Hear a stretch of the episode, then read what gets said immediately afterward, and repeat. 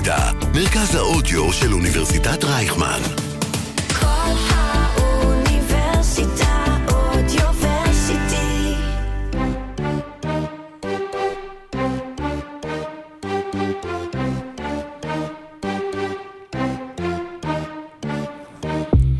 עברו כבר 100 137 פרקים של עושים NBA, שאנחנו עושים ומדברים NBA, אבל אף פעם לא דיברנו עם שחקני NBA. ועכשיו מגיעים לישראל, לבירתנו ירושלים, שני שחקני עבר, תיאו רטליף ודייל אליס, ובמיוחד לשם שלחנו את ערן סורוקה שלנו, כדי להביא לכם רעיון מיוחד לעושים NBA עם שחקני עבר, ולדבר איתם על NBA של היום, וגם על ה-NBA של פעם, וגם להשוות, כי זה מה שאנחנו אוהבים אה, לעשות פה הישראלים. אז השידור עובר לסורוקה ממש בעוד אה, כמה שניות, אני אקח את מקומו לטיקי טיקי הקטן, ומשם, סורוקה, זה רק שלך. חברים, טיקי טיקי.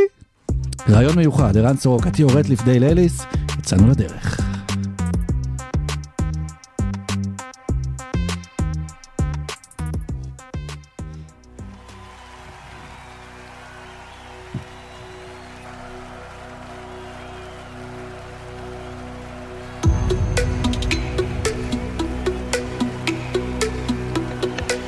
Ladies and gentlemen, welcome to OSIM NBA.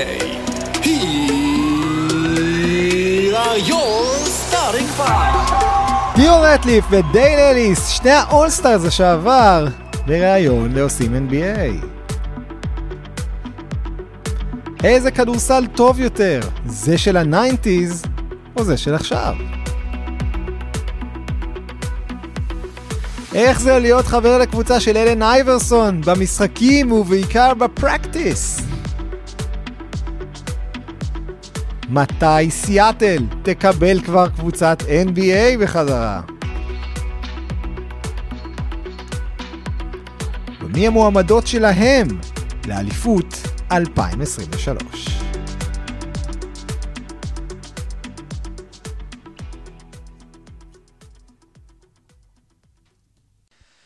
יום שישי בבוקר אולם אימקה בירושלים, מרכז הספורט אה, של סילבן אדמס. אנחנו כאן באירוע שמארגנים פרויקט מקס 48ers, שזה בעצם פרויקט של ג'וש האריס, הבעלים של ה-76ers ושער שוויון. כולם ביחד אה, גופים שפועלים לקירוב לבבות ולהעצמה באמצעות אה, ספורט. והם הביאו לכאן כמה שחקני NBA, לא רואים בכלל, שניים מהם אפילו אולסטארס לשעבר, דייל אליס, שהיה אחד מקלעי השלשות הראשונים, אולי אפילו קלע השלשות הראשון המצטיין ב-NBA, כשהוא פרש למעשה, הוא היה במקום השני בכל הזמנים, הוא החזיק בשיא עד שרג'י מילר עבר אותו, היום הוא במקום ה-28. טיו רטליף נכנס לליגה באמצע שנות ה-90, שיחק בפילדלפיה, אטלנטה, פורטלנד, סיים אפילו בלייקרס, והיה אחד החוסמים הטובים בתולדות ה-NBA, כולל להוביל את הליגה שלוש פעמים בחסימות, ופעם אחת גם להיבחר לאולסטאר. סדריק טוני, המרואיין הנוסף שלנו שיחק בתור אה, רכז בשנות ה-80 וקצת ה-90 בלא מעט קבוצות. שלושתם מספרים לנו על החוויות שלהם, על המשחק של אז לעומת המשחק של היום, וגם איך אפשר לקרב לבבות בעזרת אה, כדורסל. רטף אפילו כתב ספר נגד בריונות ילדים. בנוסף דיברנו גם עם אורי שחם, המנכ"ל של שער שוויון, שסיפר לנו על uh, היוזמה ועל הדברים שהם עושים. פרק של עושים NBA מיוחד מהשטח עם שלושה שחקנים שלא רק עשו NBA אלא אפילו עשו את זה מצוין. האזנה נעימה, חברים.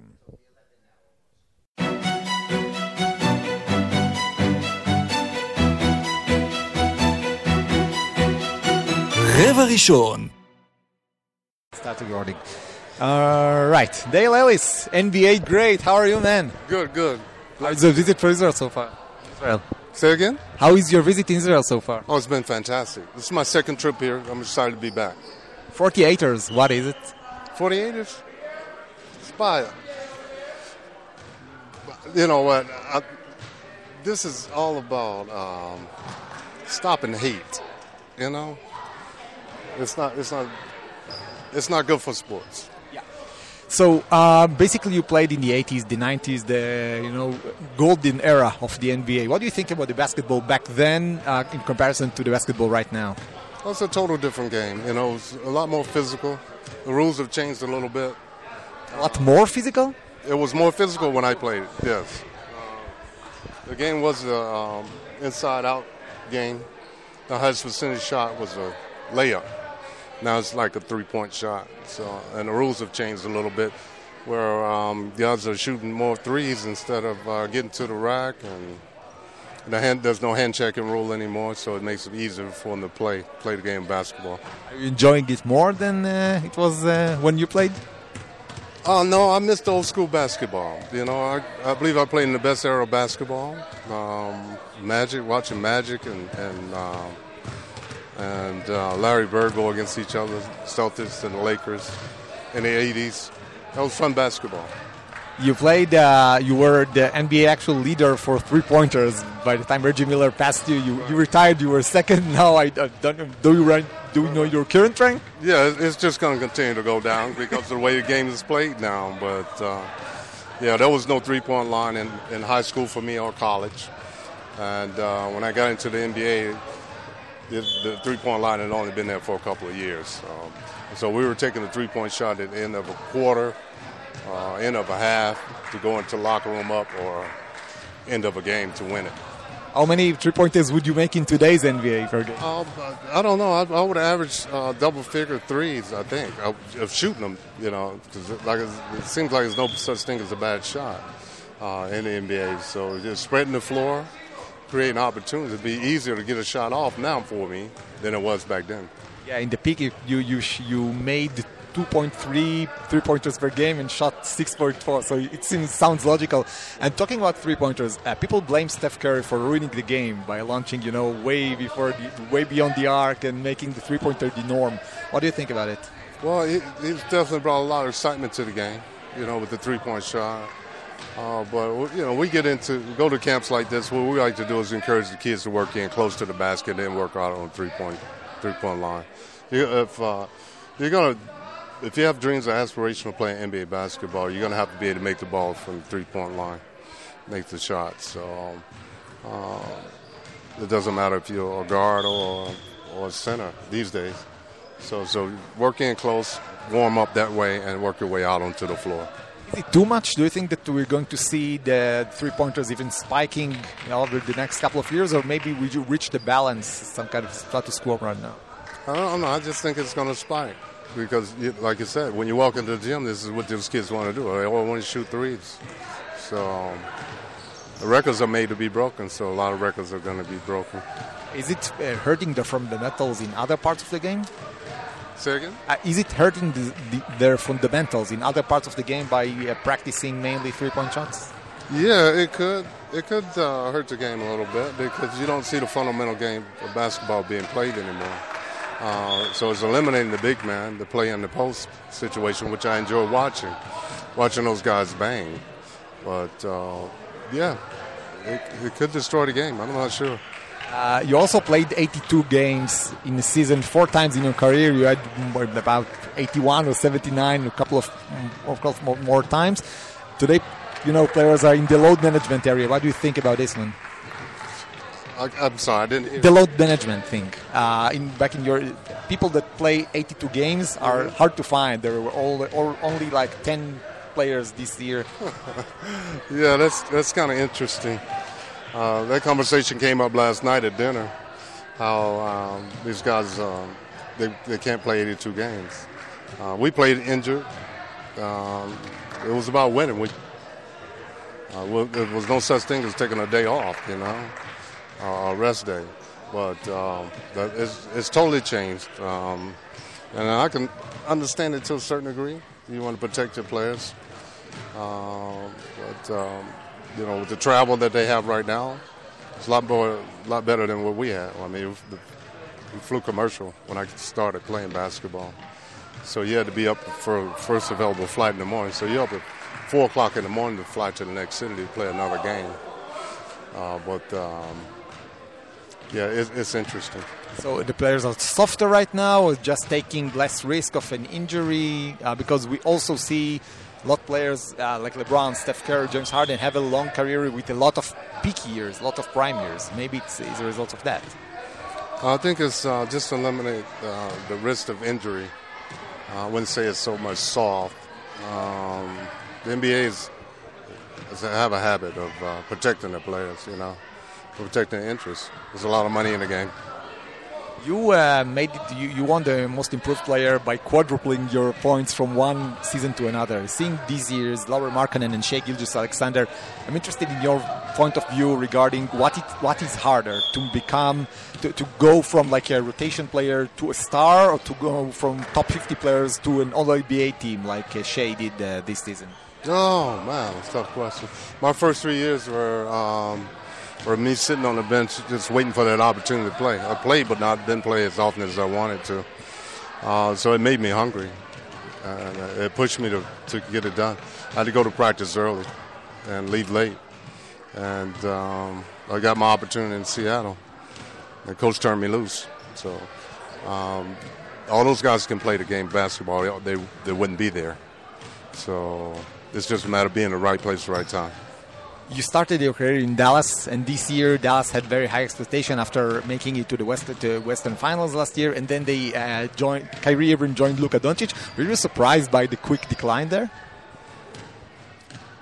Dallas declining? Yeah. Where, where, after Kyrie Irving trade. Oh, well, you never know, man. It, it takes years.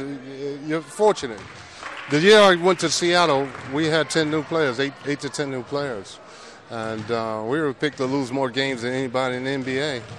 And we, end, we ended up in the Western Conference Finals. Um, we lost to the Lakers. The Lakers went on to win the NBA championship. But it's just a matter of gelling together. It's a, it's a matter of them wanting to play together as a team, you know?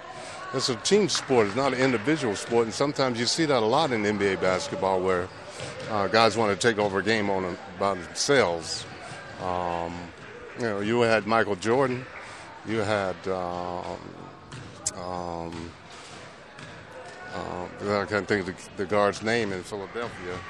Um, but they were they were individual players. So. Allen Iverson. Yeah, Iverson. Yeah. So, you know, Iverson's a guard. And the guards were extensions of the coach. They're floor generals. Their job when I played was to get everybody involved, let everybody touch the basketball. But it's not like that anymore. You got guards wanting to take over the games and, and shoot the basketball. But uh, it's a team sport. You can't win out without playing as a team. We still see players that are extension of the coach, but not only the guards right now. If you think about LeBron, about uh, even Jokic. Mm-hmm. Yeah, um, they're fun to watch. They're great athletes, but the game has definitely changed.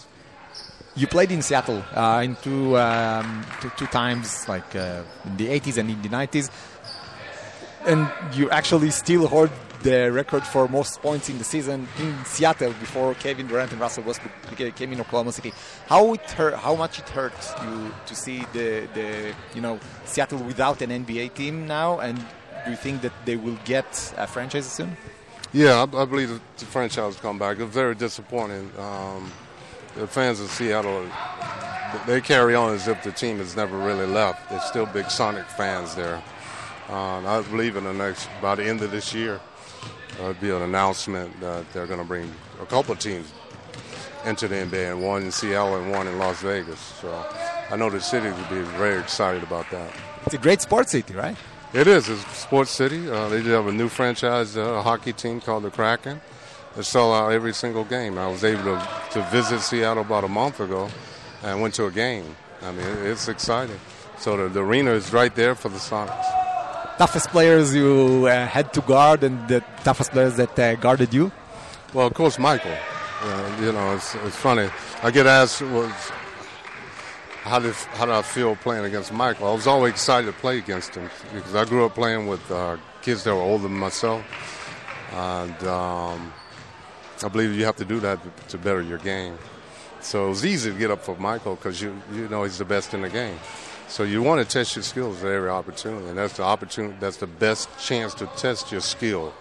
Uh, um, I like being out on the floor, the attention. Michael's guarding me, and I'm guarding Michael, so I'm testing what I can. I, know, get basketball is simple. You uh, you try to take away opponent's strength and play to your strengths. So after you played this game for so long, you understand you're not competing against Michael. You're really competing against yourself. And who's your favorite player in the NBA right now?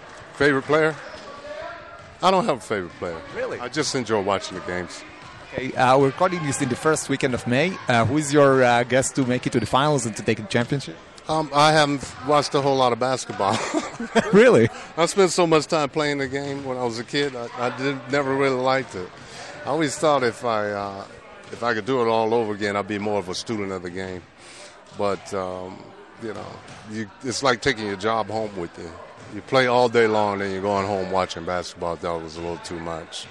But um, I've had an opportunity to work with uh, Tobias Harris the 76ers. For 76ers, Tobias Harris. And um, so when I'm flipping through the channels, the 76ers are playing, I usually stop and watch. But um, um, for the most part, I watch it a little bit during the, during the playoffs. But uh, this is great what they're doing here with this, um, trying to eliminate hatred through the game of basketball. I love it. Yeah, basketball can have bridges between people. Absolutely, that, that, that's the purpose, you know. Uh, we're in the Holy Land right now in Israel. People will come from around the world to be here, and uh, you don't see anything going on.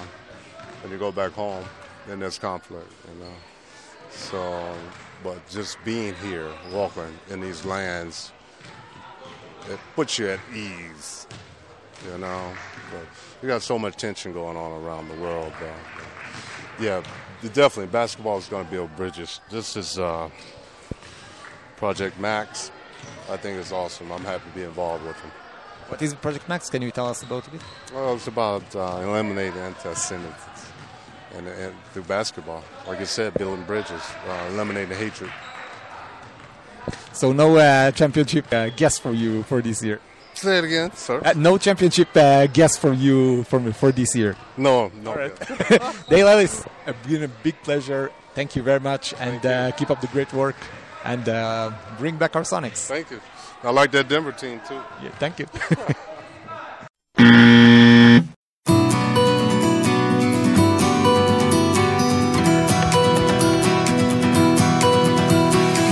רבע שני. Theo Ratliff, great to have you in Israel. Yeah, it's great to be here, man. Uh, beautiful city, a lot of historic, you know, landmarks. Um, just you know, proud to be here.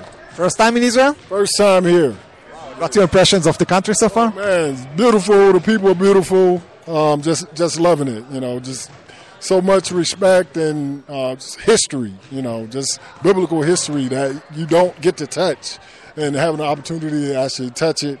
I mean, it's amazing. Thank you. Uh, on behalf of Israel, I'm saying thank you. Uh, can you tell us a bit about Project Max and the 48ers and uh, the project you're part of? Yeah, uh, Project Max, um, athletes against anti-Semitism, anti-racism. Um, it's something that uh, Eric started um, with the Project Max, and it's been athletes like myself being here, Sedric Toney, and also uh, Dale Ellis, um, and just giving opportunity to come out here and work with the kids and, and let them see that we're all together, we're all as one, um, and it's all about playing the game that we love, learning the game that we love, and just giving life lessons. You recently celebrated 50, so Mazal Tov. Um, what do you think about the, the basketball today comparing to the one playing in the 90s and maybe the 80s when you grew up? Well, we, we definitely played a much rougher at a much rougher time. It was a no layup rule, and now you get kicked out of the game for those no layup rules. Um, so um, definitely uh, a much rougher time. The scoring was uh, less. Um, you had less, uh, a lot less three pointers. You know, I think with the average of guys being able to shoot on the perimeter, where you have every guy on the perimeter shooting three pointers, um, including the center, um, which I wasn't allowed to do when I played. so it, it's definitely changed a lot. Um, love to see the game, love the speed of the game, and now you're getting 130 point games by both teams in regulation. So that's more like an all star game. Did you want to shoot threes? Of course, I would have loved to have been able to shoot threes, but different time, different era. Um, I love being in the paint, battling the big guys like Shaq and Alonzo and Patrick and Akeem and all those guys. Um, it definitely made me a tougher man. You enjoy watching today's game?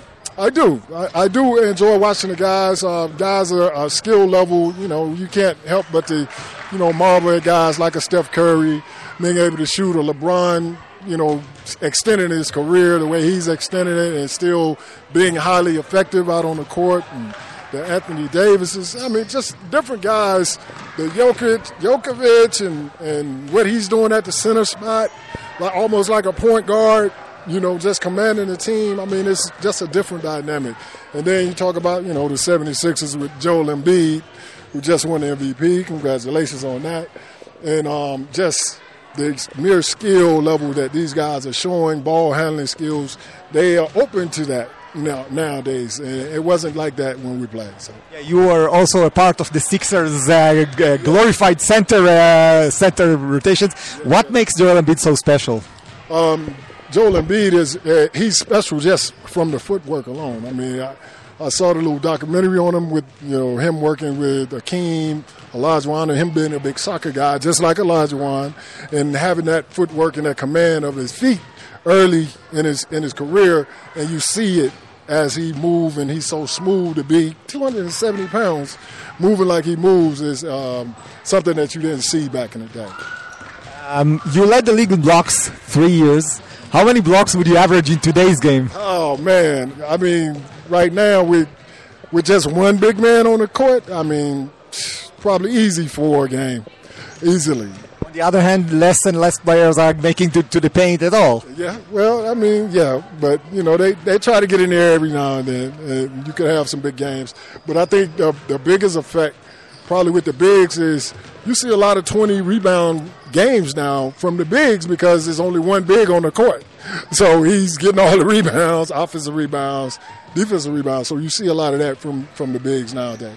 What was harder, to be a big man in your time or to be a big man today when you have to switch screens and, and go out to the perimeter? Yeah, it, it depends because I, I was a smaller big anyway. So I played guys on the perimeter. I, I kind of was a, a chameleon that kind of moved into that breed of guys that they have now where you're able to, to go outside and play defense on a guard and things of that nature and get out on the pick and roll. So that, that's the main thing. But with bigger guys that you know, Big Shaq and those guys, I mean, they, they had a hard time trying to get out on pick and rolls. That's why, I mean, sometimes it, it was to their detriment of being as big as they were, but they had the dominance in the middle with their size. Seeing a players like PJ Tucker play the center position where the six six uh, or you know Norman Powell in the Clippers, does it hurt your soul as a big man? Nah, nah, we can't have that. Mouse in the house every time. Give me the ball. Mouse in the house. When Shaq say barbecue chicken. What do you what do you think about Draymond Green and Anthony Davis battling out today? We've seen two different types of defensive specialists. What do you think about their games? um, Anthony Davis, uh, long, you know, really more traditional big, uh, just standing block shots most of the time on the guys nowadays. And then Draymond, just the great footwork that he has and the, ability to be able to cover his, his intelligence of the game is unmatched, especially on the defensive side of the ball. Um, or just knowing the right place to be to be that, be that disruptor, and that's what you want to be on def- on defense. You want to be a disruptor to the offense, and he's a master at that. Playing talking about disruptors, another kind of disruptors. You played with Allen Iverson. Some of the experience for somebody who didn't do, who who hasn't been there. I mean, when you talk about an AI, you talk about a guy that went 100% full speed at all times, the entire game. I've never seen a guy that could run the entire game, every game, without getting tired. Never wanted to come out of the game. He was a very special breed when it came to being on his hardwood floor, and that's where you know people they have the little things about what he didn't do practice.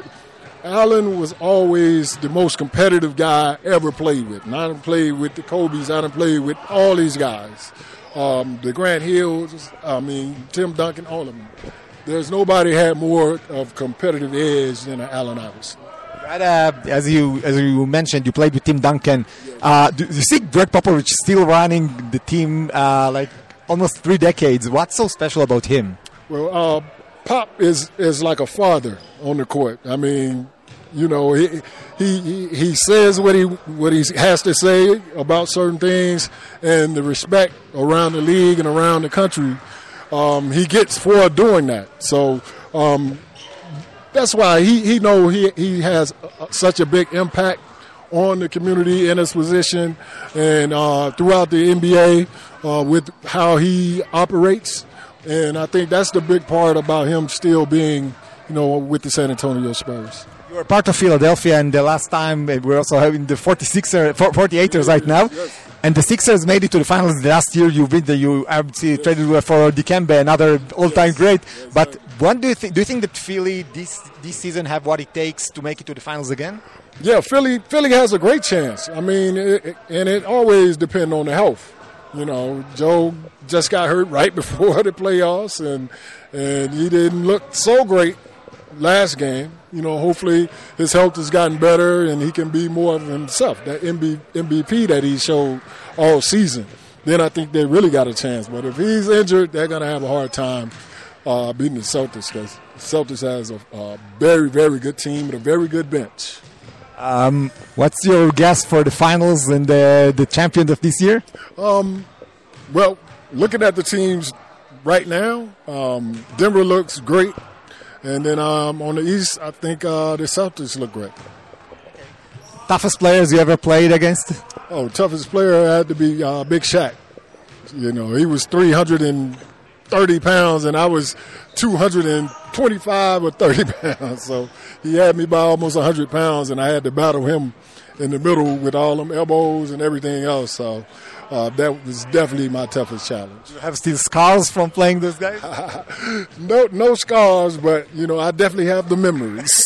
yeah. still hurts probably. Um, and talking about uh, um, hurts, uh, I saw that you wrote a children book about bullying. Yes. Is it based on your childhood experience or something? Well, just um, just the opportunity to uh, one, yeah, kind of tell my story about you know being that clumsy guy or uh, kids that try to bully you, but they really don't have any business trying to bully you when you're bigger than them. But but really not reacting in a way that someone knows that I can beat you down. I can beat you, but you know, showing more, learning more about you know what they, why the why or why they were bullying and more embracing them and understanding that they had troubles at home and different things of that nature and being able to you know show compassion to those type of guys and it changes attitudes and that's what it's all about It's very inspiring. Uh, you had a book, but a lot of players today are having, uh, you know, are into fashion, into production, into like social activity, podcasts. Do you enjoy seeing the players so much involved in the league? They're actually like co-partners of the team owners, the team governors. Yeah, I, I think so. Um, I was a big part of, of that, you know, when I would play because I, I served on the executive committee uh, with the Players Association. So we had a lot of negotiations and a lot of interactions with uh, team owners uh, throughout my time as well. Um, I think now with the advent of you know podcasts and different things, and guys having their own podcasts and asking owners and t- coaches to be on their podcast, it definitely leads to a more inclusive and more friendlier uh, attitude between player, coach, and uh, personnel, executive per- personnel. What changed the dynamics between players and executives? Uh, what, what was like the turning point in your opinion? Well, I think a big turning point is when you when you when you go from a TV deal that was a, a few hundred million to billions. Um, that definitely changed the attitude of a lot of people because now the, the pie that's being split is so grand, and people are making so much money. Franchise value is skyrocketing. Uh, guys' salaries are skyrocketing. I mean, why would you have turmoil?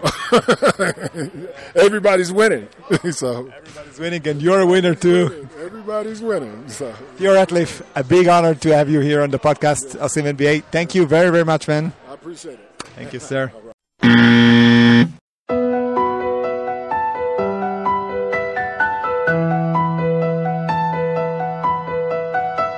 רבע שלישי. Sedric Toney. Yes. Amazing to see you here. How are you? Pleasure. It's my pleasure. I'm glad to be here. First time in Israel? Second time in Israel. Yeah. Yeah, second time. Have you enjoyed it so far? I love it. I want to come back again. yes, I love it. But now you're here. So t- tell us a bit about uh, 48ers, about what you do here.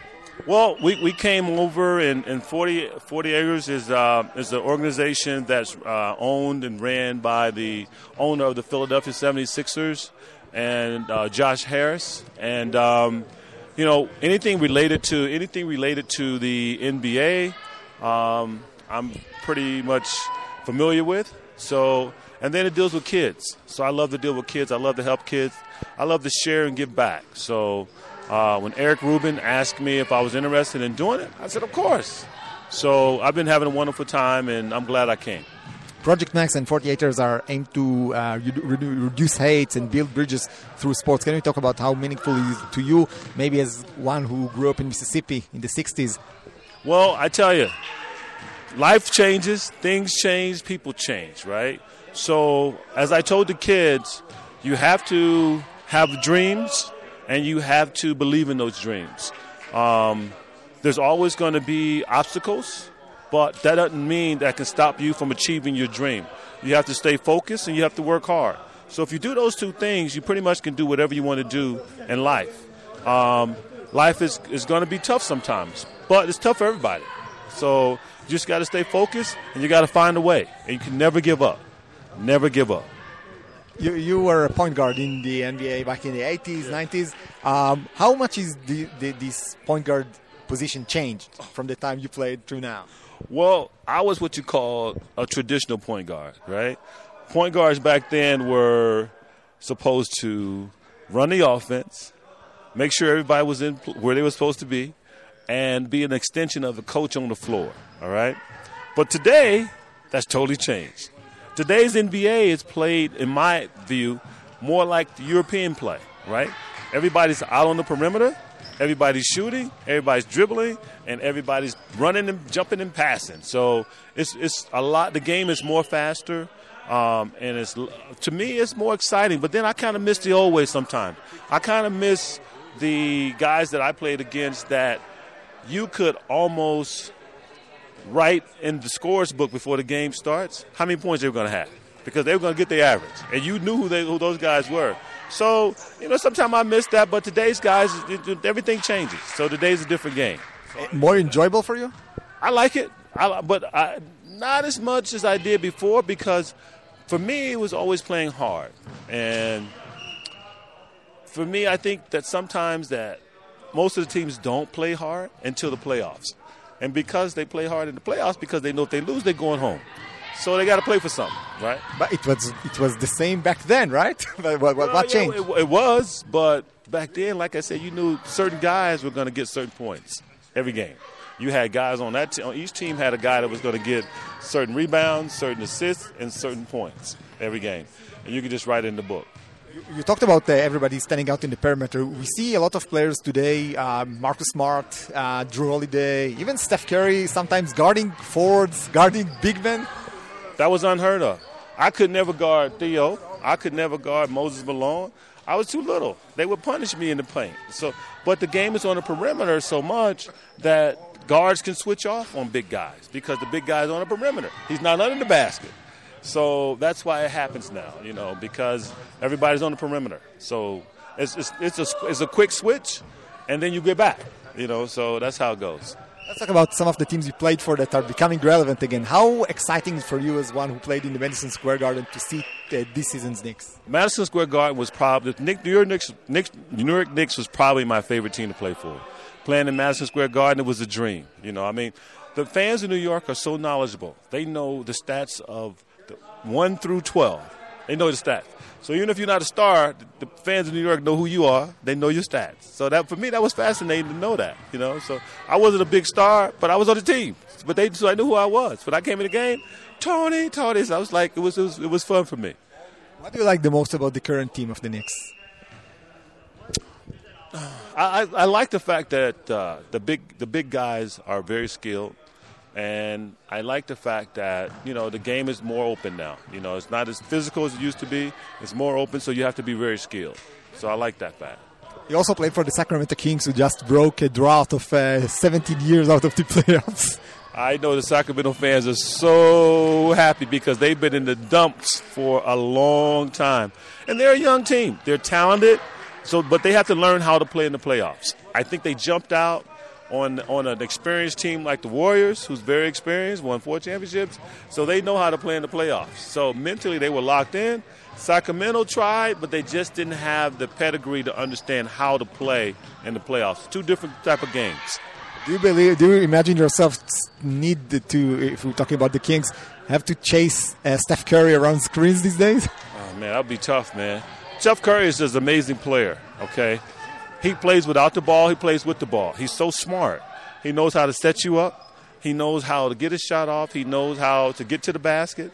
He he keeps you off balance. So you can't just say I'm gonna stop him from shooting jump shots because he got a layup. So if you know he, so it's, it's, it's hard to guard a guy like that. I used to hate guarding guys like that because you don't know where they're going, right?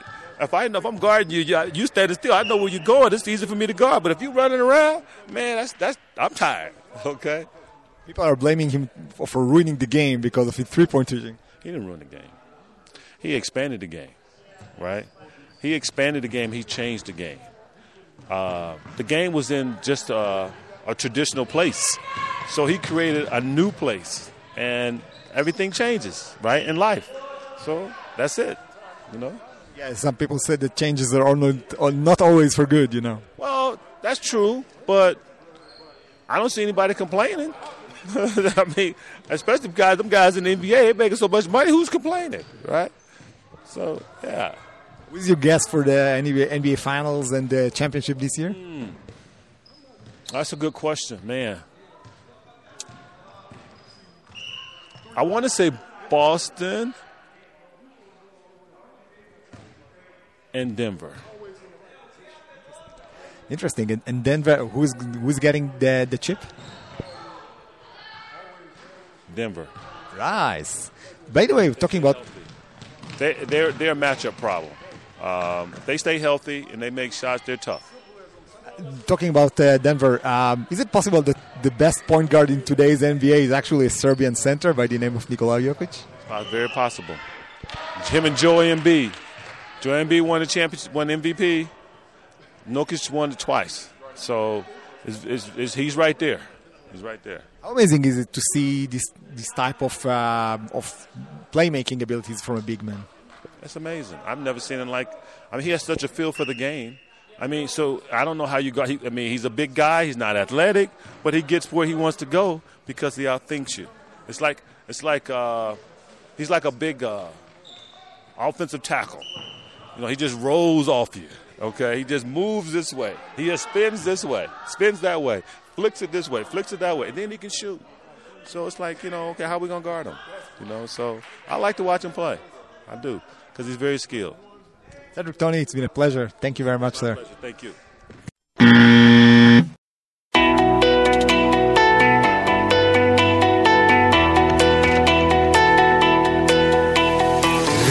רביעי